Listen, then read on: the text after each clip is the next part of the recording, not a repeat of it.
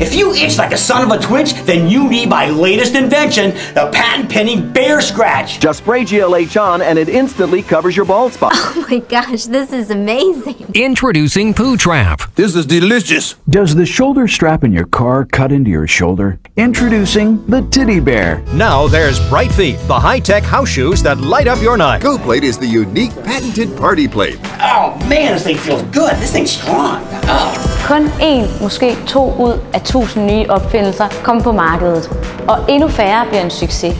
I denne uges Monitor undersøger vi, hvorfor det er så svært at få succes som opfinder, og hvad det er, der driver opfinderne til alligevel at blive ved.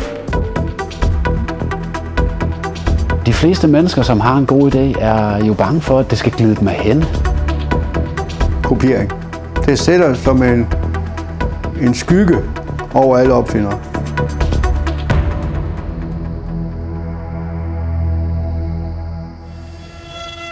Det her er ikke en typisk iværksætterhistorie.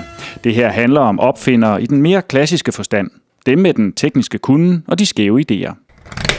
Det her er Martin. I sin fritid har han haft over 70 opfindelser på tegnebrættet, og syv af dem er kommet i produktion. Det, det er det første, man går ind og henter. Og så er der Magnus. Han er idémand til 150 opfindelser, og 15 af dem har han bygget prototyper til. Det her, det er min cykel. Det her, det er øh, motoren på øh, min elektriske øh, cykel. Og det skal ligesom skiftes ud med det her baghjul. Det her, det er bare et testbaghjul. Ikke? Sidste uge, der vågnede op, fordi min kæreste, hun skulle på arbejde, kommer ind og kysser mig. Og lige det, hun kysser mig, og jeg vågner, så tænker jeg, hvorfor fanden laver man ikke, i stedet for sandsække, når der er oversvømmelser, hvorfor laver man så ikke en form for luftmadras, man kan puste op ind i dørkarmen, som så gør det vandtæt på den måde. Og, altså, og det var lige da jeg vågnede. For sådan, det kunne da måske godt være. Baby Steps er min sidste nye opfindelse. En sengeforhøjer til trammeseng med justeringsmulighed. Drivet, det er jo, i hvert fald for mig, det er drømmen om at komme på det helt geniale produkt, så der virkelig kan kaste nogle penge af sig. I opfinderkredse kalder man de allerbedste idéer for guldæg. Mange opfinderes største drøm er at opfinde et guldæg, for de ændrer dit liv, og i nogle tilfælde ændrer guldæg også verden. Danskere har gennem tiden stået bag flere banebrydende opfindelser. Det var for eksempel danskeren Valdemar Poulsen, der opfandt telegrafonen, en forløber for båndoptageren. Og så er der Lego-klodsen. Den er naturligvis også dansk. Og den første højtaler blev faktisk også opfundet af en dansker. Ja, for de heldige og de dygtige, der kan der altså være penge at hente i opfinderi. Og endnu vigtigere, så kan du gøre en forskel med de nye påfund. Men det er svært, og det kræver hårdt arbejde. For de fleste opfindere, der ligger udfordringen ikke i at få selve ideen, men mere i, hvordan man får ideen fra værkstedet og ud i butikkerne. Her har jeg nogle patenter samlet. Først så ser vi det europæiske patent. Fritz Amstrup er æresmedlem og tidligere formand i Opfinderforeningen. Dansk patent. En interesseorganisation, som kæmper for opfinderes rettigheder. Rumænien. Og så er han selvfølgelig også selv opfinder. Markedsføring det er det værste led, en opfinder har. Han kan lave produkterne. Han kan det hele omkring produkter og, og så videre, og maskiner.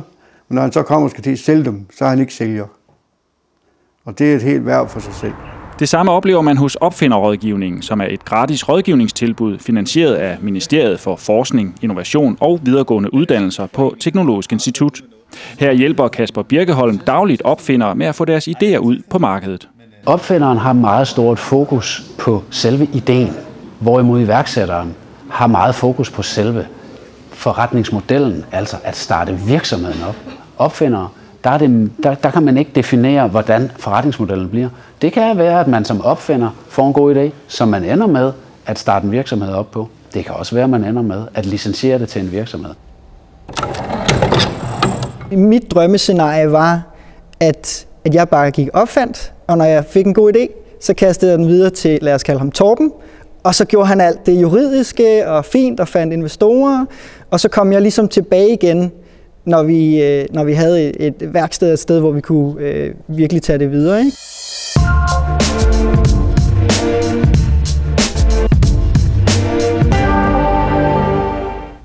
Øh, låsen her, den er hjemmelavet.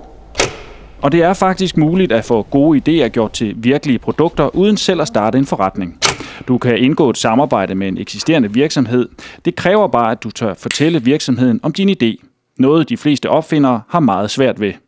Jamen, øh, først og fremmest, når du kommer på en idé og øh, har øh, gået med den i et godt stykke tid og, øh, og overbevist dig selv om, at det er simpelthen bare en fantastisk idé, så vil man gøre alt for at, øh, at holde den for sig selv, beskytte den øh, så lang tid som muligt, inden at du skal til at afsløre den for en virksomhed.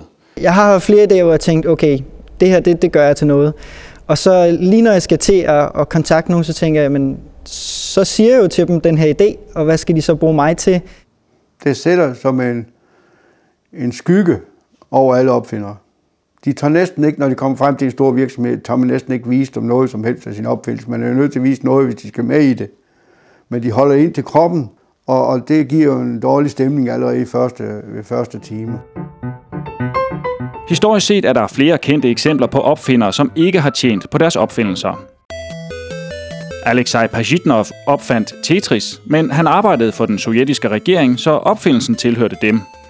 John Walker solgte sin første tændstik i 1827, men glemte at søge patent, så to år senere var hans opfindelse stjålet af Samuel Jones.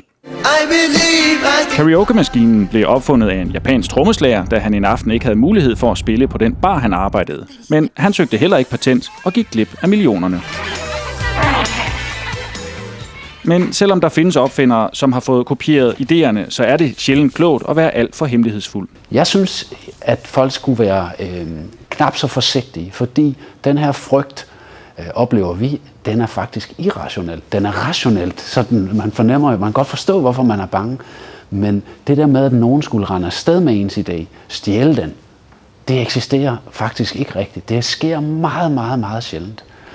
Martin har i dag flere produkter på markedet. Det har han ifølge ham selv, fordi han har åbnet op og fortalt om sine idéer.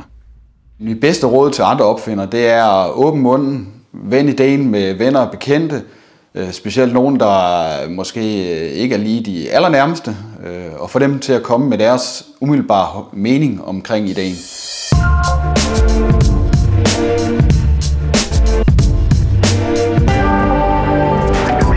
Du tænker måske, at hvis du får patent på din idé, så kan du snakke åbent om den, uden frygt for, at din idé skal blive snuppet. Men helt så enkelt er det bare ikke. Det vi jo øh, har brug for, det er jo ikke, at en masse mennesker farer ud med frygt og bruger penge på at beskytte noget, som måske med meget let analyse og meget let snak i markedet, der kunne man finde ud af, at det i virkeligheden ikke var værd at arbejde videre på. Patent- og Varemærkestyrelsen godkender eller afviser patentansøgninger. De får hver dag ansøgninger ind fra håbefulde opfindere, der ønsker at få papir på deres idéer. Og selve patentansøgningen er ikke så dyr. Den koster kun 3.000 kroner. Det, der er dyrt, det er at få øh, udfærdiget sin patentansøgning af en professionel. Det er at få skrevet en patentansøgning af en rigtig patentagent. Øh, det kan nemt øh, løbe op i 10-20 gange så meget som øh, sådan et ansøgningsgebyr hos os. Det er meget naturligt, det er sådan. Det er en, en specialiseret, højt, øh, videntung øh, métier. Martin har valgt at gå helt udenom patentsystemet. Det er for dyrt, det er for bøvlet, øh, det er for vanskeligt øh, at, øh, at håndhæve et patent, det koster for mange penge, og det øh, forsinker processen i at komme fra idé til marked. Så kunne man vel sagtens øh, teste men vil man gerne have patent, så er et alternativ til selv at skulle betale, at man laver en såkaldt licensaftale med en virksomhed, hvor virksomheden så betaler de mange penge. Den eksisterende virksomhed, som overtager øh, produktionen, markedsføringen, salget og alle de processer, der er forbundet med at, at, at sælge det her produkt, det overtager virksomheden. Og som retur, eller som tak, der får opfinderen en royalty, og det er en procentdel af den udfakturerede omsætning. Der er altså flere muligheder for dig, som har fundet på noget nyt, du er klar til at gå videre med. Du kan for eksempel indgå et samarbejde med en virksomhed, som så kan støtte dig økonomisk med hjælp til din patentansøgning. Eller du kan spare op og selv betale for hjælp til din patentansøgning. Og endelig så kan du helt undlade at søge patent, og i stedet for at bruge pengene på at videreudvikle din opfindelse.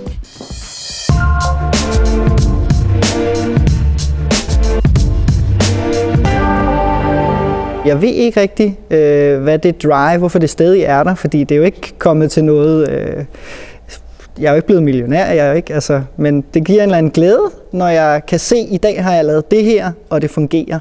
En af de største fornøjelser og tilfredsstillelser, det er at se produktet i en butik. Øh, lige præcis din lille, dit lille barn, som du øh, har dyrket øh, over, lad os sige, et års tid eller halvandet, endelig at komme på markedet og, og så se, at der er afsætning i produktet. Det er svært at få succes som opfinder, at finde det der guldæg. Men en ting er sikkert, hvis det kun er dig, som kender til din idé, så bliver det aldrig en succes. Det var Monitor for denne gang. Vi ses.